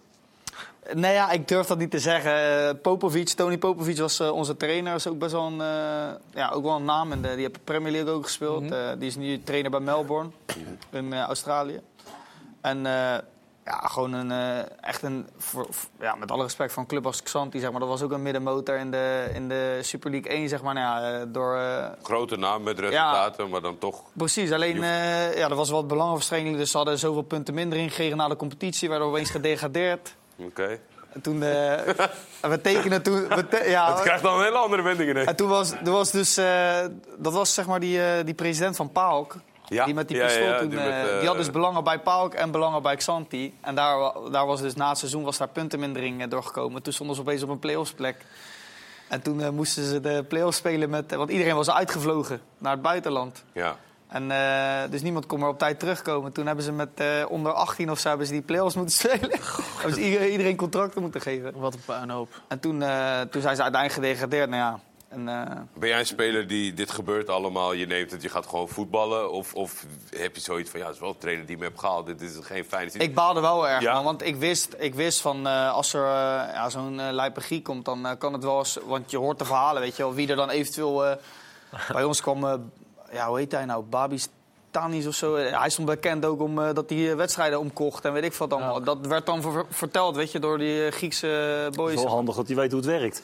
Ja, maar eh, Toch? ja, eh, ook zoiets. eh, waar, we speelden een wedstrijd, stonden, was de bedoeling, eh, een, eh, een, we stonden best wel hoog met de laatste lijn. Dus de bedoeling was, eh Daryl Werker, die speelt bij, eh, bij Den Haag. En eh, ja, we hadden dan de mogelijkheid elke keer om in te dribbelen. En dan moesten wij de ballen achter de verdediging leggen. Nou ja, met snelheid en met onze rechtsbuiten hadden we dat best wel voor elkaar. Dus we komen in de rust, stonden 1-0 voor. Ik vergeet nooit meer. De trainer zegt van, ja jongens, het gaat goed hè. Daryl, blijft die bal geven. Randy gaat er de hele tijd overheen. Top man, tweede helft ook. De eerstvolgende zin die hij daarna uitsprak was... eh, ja, eh Savas, eh, jij komt erin, Randy gaat eruit. En ik dacht bij mezelf van, wat gebeurt hier nou, weet je? Maar dan krijg je te horen van, ja... Het, le- de leek soms net, ja, het leek soms net alsof de wedstrijden werden beïnvloed, weet je. En dan heb je wel zoiets van... Ja, dat is wel lijp dat zo'n trainer... Want die Tony Popovic, eh, eh, weet je, Popovic, die wilde gewoon er echt wel wat, wat van maken, weet je. En dat was gewoon echt een serieus, een serieus goede trainer. Gewoon Ja. echt een, een grote naam. En we hadden ook een selectie staan. eh, we hadden Patrick Eber, zeg maar. Dat was een jongen uit, uit Duitsland, zeg maar, grootheid. Kan er om jou heen als speler het een en ander gebeuren? Dat je, wat je zegt nu, soms had ik wel mijn twijfels, zeg maar. Maar kan dat zonder dat je, dat je het weet of dat je deelneemt? Is, Ja, ja? 100%. Ik heb, ik heb daar wedstrijden gehad, eh viel er opeens iemand in de 16 neer, kreeg opeens een penalty. En toen dacht ik bij mezelf van, krijgen wij nou een penalty of wordt het tegen? Nou ja, kregen we een penalty. En, eh, en ik heb ook wedstrijden, dan, nou ja, een soort van studio sport zeg maar, eh, van, van Griekenland. En dan zit je te kijken zo en dan eh, komt er een keeper uit. En, die, en de spits komt één op één, zeg maar. En, en dan zie je de keeper opeens op de grond Ja. zeg maar, duiken. Dat ik denk Alvast van, duiken, wat, wat doe je nou, weet je wel? Ja. Ja, dat soort dingen. Vraag je dan niet in de, in de kleedkamer van, eh, aan diegene die viel van... joh, wat, wat deed je? Nee, dat was dan niet bij ons. Maar wij hebben onze eh, telefoons bijvoorbeeld in het hotel moeten laten... omdat de trainer bang was dat wij werden gebeld door de tegenstander. Oh, ja. Van, eh, van eh, ja, jullie kunnen eh, gebeld worden eventueel door de tegenstander... dat er, dat er Dat wedstrijden beïnvloed- valt. Maar ik heb het zelf nooit, zeg maar, nooit echt... hoe zeg je dat? Mee- meegemaakt in de zin van... eh, eh, ik ben nooit benaderd of iets. Of ik heb nooit gezien dat boys van ons zijn benaderd. Maar ik zou liegen als ik zou zeggen dat ik eh mijn twijfels heb Niet gehad. vermoedens Ja. heb. Ja. Over Grieks... Maakt het eh, wel makkelijker, Sjors, als Over- je in Griekenland trainer bent. Dat je Hij, het gewoon... hij wil een bruggetje gemaakt. Ja, ik ben heel benieuwd naar zijn bruggetje. Nou ja, even denken. Over Griekse tafereelen gesproken, Sjors. Cambuur Leeuwarden. Daar waren op een gegeven moment twee trainers eh, tegelijk in dienst. Het gaat over, uiteraard niet over omkoping, gelukkig maar. Maar dat was een bizarre situatie, toch? Waarin jij eh, Ja. werkte. Ja, kijk, ik werd gebeld door uh, Fouke Boy. Die ken ik al heel lang vanuit de tijd bij Utrecht. Eh TD bij, eh bij Cambuur destijds. En die belde dat Henk de Jong slecht ging. En dat het best wel zou kunnen dat Henk op korte termijn zou moeten stoppen als trainer. En of ik in gesprek wilde gaan voor dat scenario. Ja, daar hebben we gesproken. En het ging toen heel snel achteruit met Henk. Hij moest heel snel stoppen. Eh, en het idee was eigenlijk, ja, Henk, eh, we gaan aan alle kanten hopen met z'n allen dat het überhaupt goed komt. En helemaal niet gesproken over dat de twee trainers Nee. onder contract zouden staan. Eh, wat zou er kunnen gebeuren als hij weer gezond was? Want ja, het was zo slecht eigenlijk de situatie... dat eigenlijk alleen maar de focus op gezondheid lag. En wij als club verder zouden gaan. Maar uiteindelijk... En Henk heeft ook gezegd, die Sjors is deze goeie, toch? Ja, we speelden toevallig tegen elkaar in mijn laatste wedstrijd van, eh, van Fortuna. En toen zei hij, wat je moet doen na Fortuna? Moet je naar Cambuur komen. Dan kan je lekker rustig werken. Fijne club, goede mensen. Gefopt. En toen, eh, zelfs toen er een gesprek was met de, met de directie... een paar appjes van Henk gehad van... ja, gesprekken zijn bezig, kan ik je helpen? Heb je nog advies nodig? Ehm, dus ja, heel goed contact gehad en nog steeds trouwens...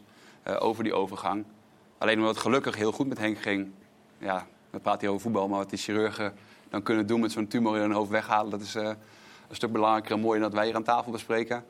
Was hij heel snel terug en heel snel gezond. En daar hadden jullie nooit over gesproken. Over wat als Nee. hij weer fit is, wat Nee. als hij weer terugkomt. En Ja. dat is eh, eh, positief natuurlijk. Maar het bracht een hele gekke situatie met zich mee. Misschien wel uniek, want eh, dat er twee trainers onder contract staan. Waarvan de niet-actieve trainer de meest populaire trainer is van de clubgeschiedenis. die het fantastisch heeft gedaan en nu weer fantastisch doet. Terwijl de trainer die wel actief is, gedegradeerd is met de club. Ja. Ja, daar gaat natuurlijk heel veel, Ja, dat kan, onrust je ook, geven. dat kan je ook niet winnen. Maar- Maar Overigens, Henk heeft het niet altijd helemaal... eh, eh, ik ben heel goed met Henk, maar de tweede seizoen zelf heeft hij natuurlijk ook heel weinig gewonnen. hè, op een gegeven moment, voordat hij stopte. Ja. Maar was, je in- daar, was je daar gelijk bewust van? In, in de zin dat Henk werd, werd weer fit en dat is hartstikke mooi. En iedereen vindt dat natuurlijk het allerbelangrijkste, dat is nog logisch. Maar realiseerde je, kijk achteraf is het makkelijk, maar realiseerde jij je toen al van benieuwd hoe dit verder gaat?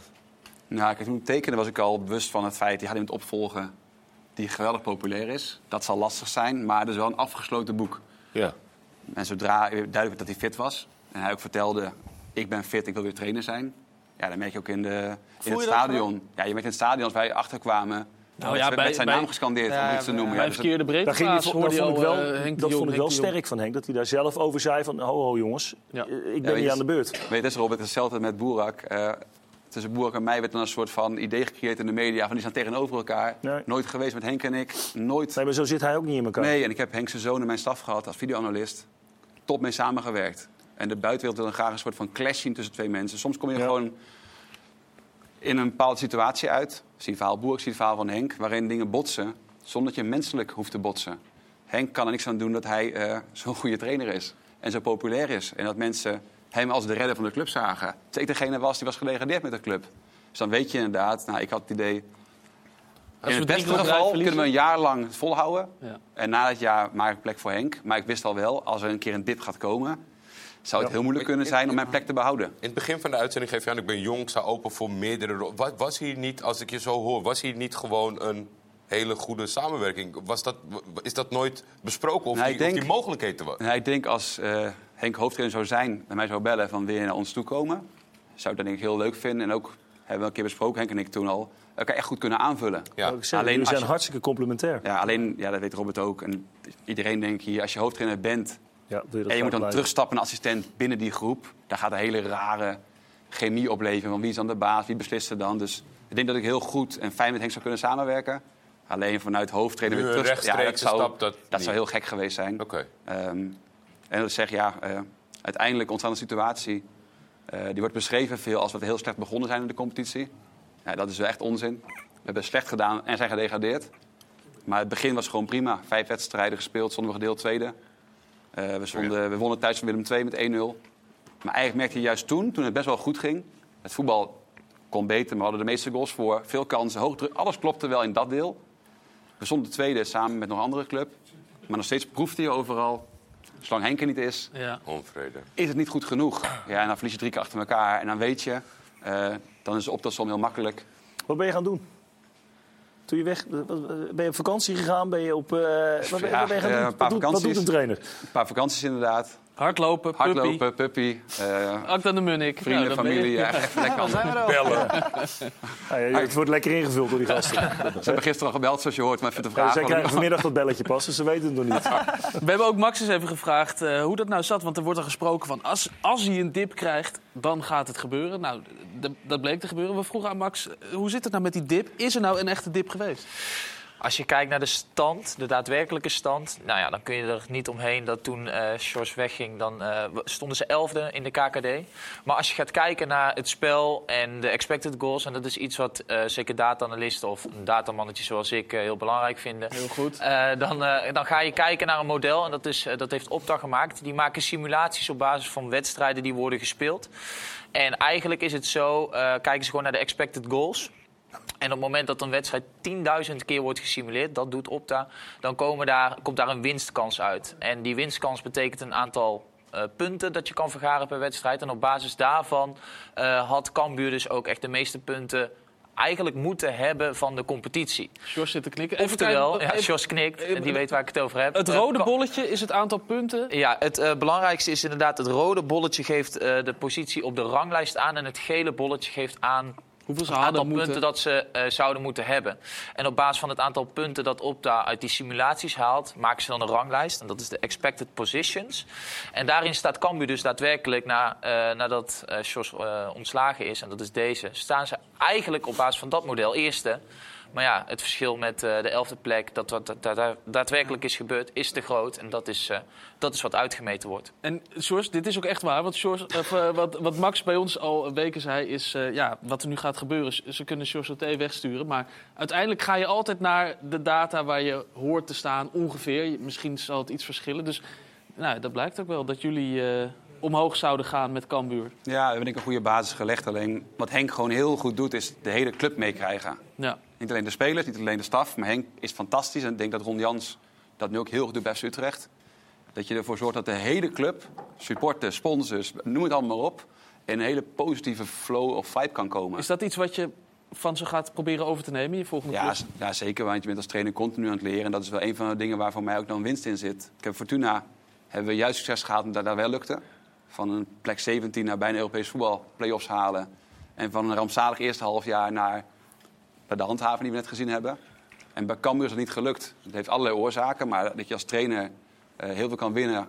Los van tactiek en data en dat soort dingen. Maar juist met dat gevoel, ja, daar is Henk een meester in. En dat is wel denk ik voor spelers heel lekker. Want weet je ook, als je als speler een trainer hebt die, die dat gevoel kan creëren in een Maar- kleedkamer, dat, is, dat is fantastisch. Maar heb je ook niet het gevoel gehad dat er momenten zijn geweest dat je, dat het balletje dan eigenlijk wel normaal Stel dat er een kans is, die gaat er tien keer in en nu bij jou ging die er bijvoorbeeld niet in. Ja, dat is denk ik het verhaal van de data. Dat je ja, inderdaad weet je, één het is kans ook een tegen... beetje een stukje geluk hebben, denk ik, weet je wel. Ja, maar, maar zit daar wat- het overkoepelende het gevoel, de hele club mee? Is, dat is dat dan wat afstraalt op zo'n selectie qua vertrouwen misschien? Waardoor, het, waardoor zo'n balletje er wel in valt? Want Nou, dat denk ik wel. Kijk, je hebt, als je dat in zo'n flow terechtkomt... wil zie je die redding van Zian die we net bespraken. Ja. Eh, als je maar in zo'n flow komt als team... dan valt het balletje vaak ook net goed. Dan is het net even wel binnenkant paal erin. Ja, ik vind het wel, ik, qua data vind ik het heel interessant. Want als je kijkt, in Engeland is het ook al onderzocht natuurlijk. Hè? En als je kijkt naar het, het, verfris, nee, het verversen van de data ten aanzien van de competitie. Er zijn natuurlijk ploegen die overperformen. En dat zie je nu ook. Hè. Ik zag, volgens mij even aan, eh, uit mijn ooghoek zag ik dat Roda bijvoorbeeld ook niet Roda, enorm, ja. Maar op het moment dat je daar niet naar kijkt en besluit om dat elftal samen te houden... eind van het seizoen, ze hebben zwaar overgeperformd. Dat zie je vanuit de data, maar in de stand staat zo'n ploeg gewoon hoog. Dan, zeg je, dan kan je zeggen als technisch beleid van ja, maar we houden vast aan deze groep. Want die hebben het zo goed gedaan. Ja, dan is het risico hartstikke groot dat je het jaar daarna gewoon juist instort. het moment dat eigenlijk om in te grijpen. Precies. Dus die, daarom is die data zo belangrijk, dat je die data goed interpreteert. En er zijn maar weinig mensen die, dat, die daarnaar kijken. wil- Zeker geen Ja, supporters. Ja, ik wilde nog vragen, even heel eerlijk antwoord geven. Nee, op een gegeven moment, eerlijk, op een gegeven Sjors. moment werd, eh, werd natuurlijk in dat seizoen, in die periode, werd, toen Henk weer fit was, Ja. werd die ballen ontslagen bij NAC. Toen heb je er wel een paar keer geda- gedacht, neem Henk, neem Henk. Ja, nee, maar, En ja, Willem ik- II kwam er nog bij. Willem II, Ik, ja. had, ik had het gevoel, de enige manier waarop wij rustig kunnen blijven werken... is als Henk inderdaad bij een andere club instapt. Want dan zullen mensen minder roepen om Henk als mijn opvolger. Dus ja, nee, helemaal eens. Maar tegelijk wist ik ook wel... eh, Henk heeft zoveel gevoel voor Cambuur, is zo'n Cambuurman. Ja. Maar ja, de antwoord is heel simpel. Als Ja, hij hem als hij Nou, gedaan... hebben, het, wij hebben het er ook wel eens over gehad. Van, van, van, Henk werd bij, bij NAC genoemd inderdaad. En eh, dat zou natuurlijk best iemand zijn die past bij NAC. Qua bewegen en statuur en dat soort zaken. En ook manier, opvatting van voetbal. Maar haal je hem uit het noorden weg... dan is ook maar de vraag of dat werkt ergens anders. Hè? Ja, ik heb het gevoel dat Henk gewoon bij Cambuur hoort. Ja, En, maar- maar niet, dat bij, zijn- niet bij een andere club. Net zoals ik- Foppen, Foppen bij, bij, bij Heerenveen ja, dat had. dat ik denk van... eh, zijn, maar dat heb jij natuurlijk niet. Nee, jij klopt. kan daadwerkelijk Ja. van Groningen tot aan Maastricht werken. ja. Ja, je- we zullen het misschien nooit weten bij Henk. Misschien blijft hij voor de rest van zijn leven bij Cambuur. Maar je zou denken, hij is zo, zo sociaal vaardig, eigenlijk een beetje hoe Sjors het net omschrijft. Ja. Dat zou bij iedere club kunnen werken, toch? Als je, als je, daarin, als je daar goed in bent, als je goed met Er mensen zijn omgaat. zeker trainers die daarvan kunnen leren. Ja, ja nee, 100 procent. Heb jij in die periode gedacht, neem Henk, neem Henk? Ja, dat heb ik gedacht. Ja. Nou ja, ook om die reden. Om mij te helpen. Om, om zijn vader te brengen. Om Sjors in de zaal te houden. Ik zat, ik zat iedere dag te bidden. Nee, hoor. Eh, Maar eh, nee, ik, ik, ehm, ik, ik, ik vond dat NAC op dat moment ook iemand nodig had. Die, eh, die dat kan. Die, dat, die, die, Die de warmte, club kan die warmte moest hebben. Ja, dat Ja, heb- van Gastel heeft dat toch? Jawel, die heeft dat ook wel. Maar, maar nou ja, goed, bij, bij Henk is het echt een specialiteit. En dat kan in een bepaalde fase bij een bepaalde club juist heel belangrijk zijn. Dus ik had dat wel een goede keuze gevonden. En eh, ook qua speelwijze. Ja. Hij heeft Warmte, toch eh, de, de, toch de keukenkampioen-divisiecode een beetje gekraakt. ja, ja, dat kan je wel zeggen. Ja. We gaan eh, straks ook naar een hele warme man toe. Dan komt Hans junior hier namelijk eh, bij ons in de voetbalkantine. En we gaan voorspellen, want we willen heel graag weten wat er dit Eredivisie weekend gaat gebeuren. En dat gaan Randy en Sjors ons straks vertellen. Heel graag. Tot zo.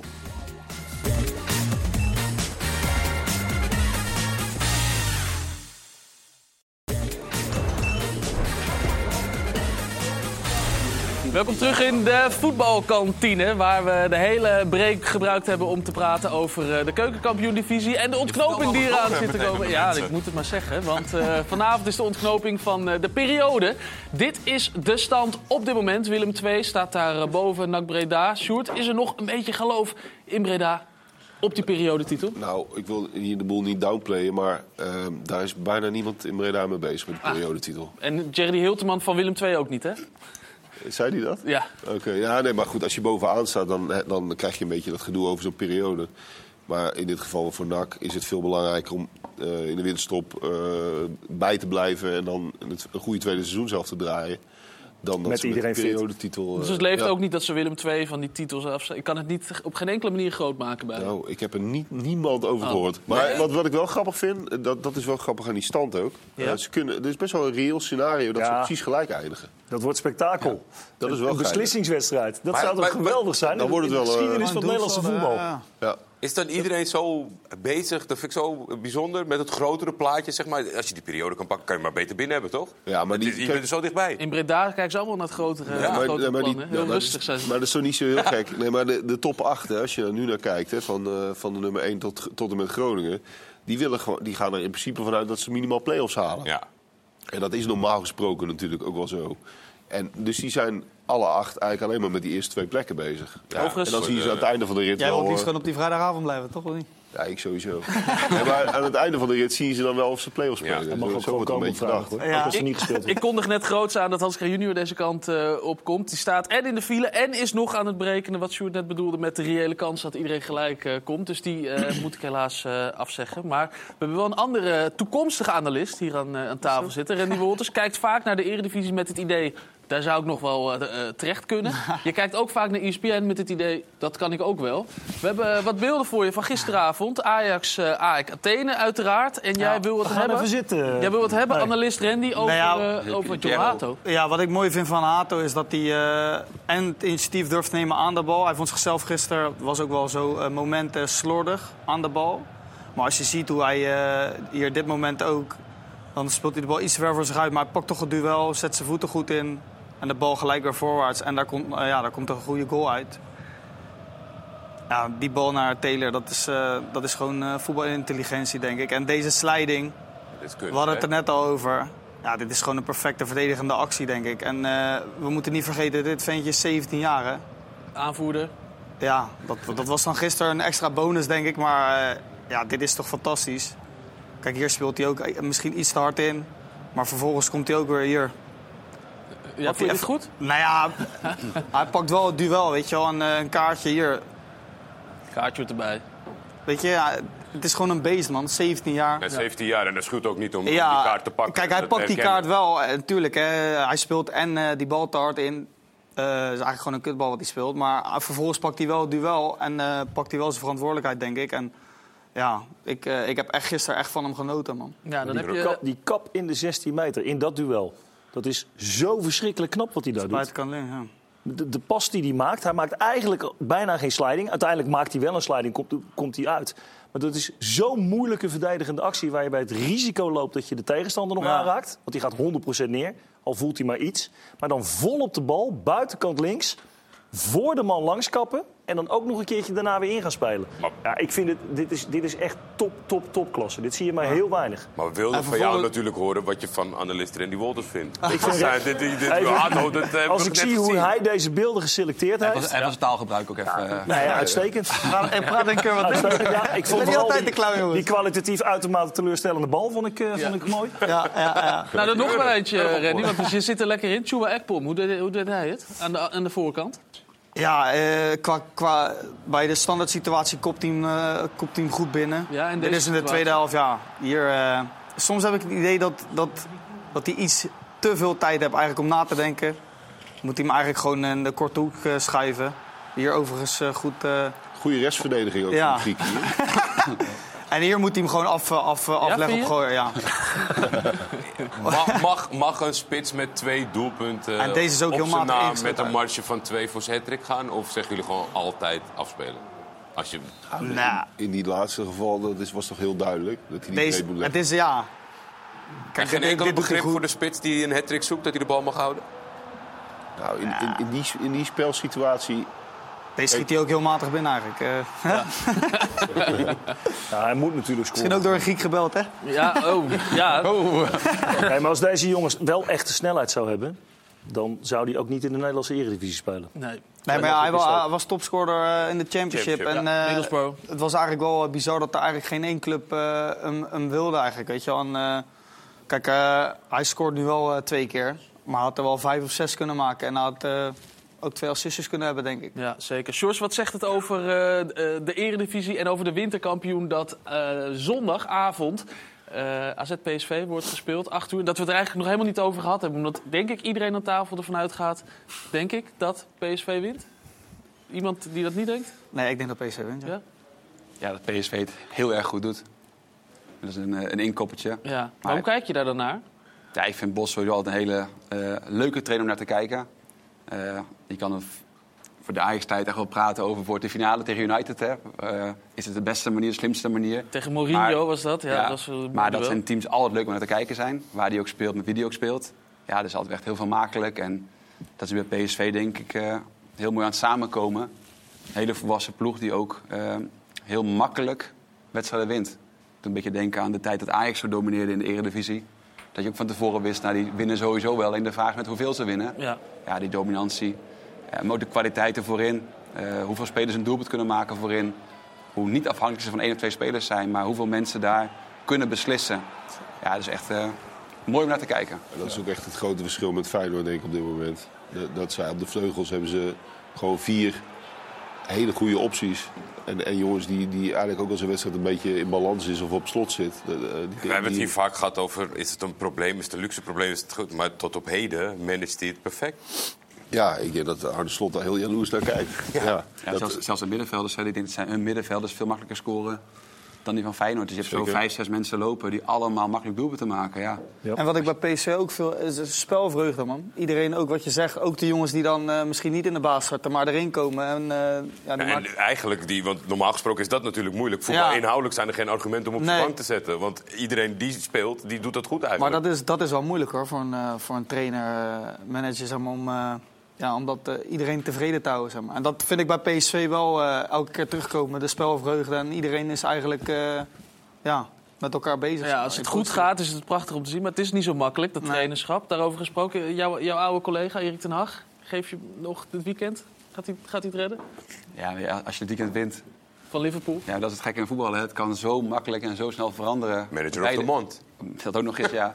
Eh, dus ja, win je nu deze wedstrijd, heb je weer ruimte en dan kan het zo weer doorgaan. Hadden net in de Eredivisie, eh, als je kijkt naar de clubs die daar het moeilijk hebben gehad, eh bijvoorbeeld NEC, waar je dacht van nou dat eh, is een ramp en eh Meijer werd alle kanten uitgeschreven. Ook bus opgewacht. En nu hoort dat ze. Europees voetbal gaan halen van Sanne. Ja.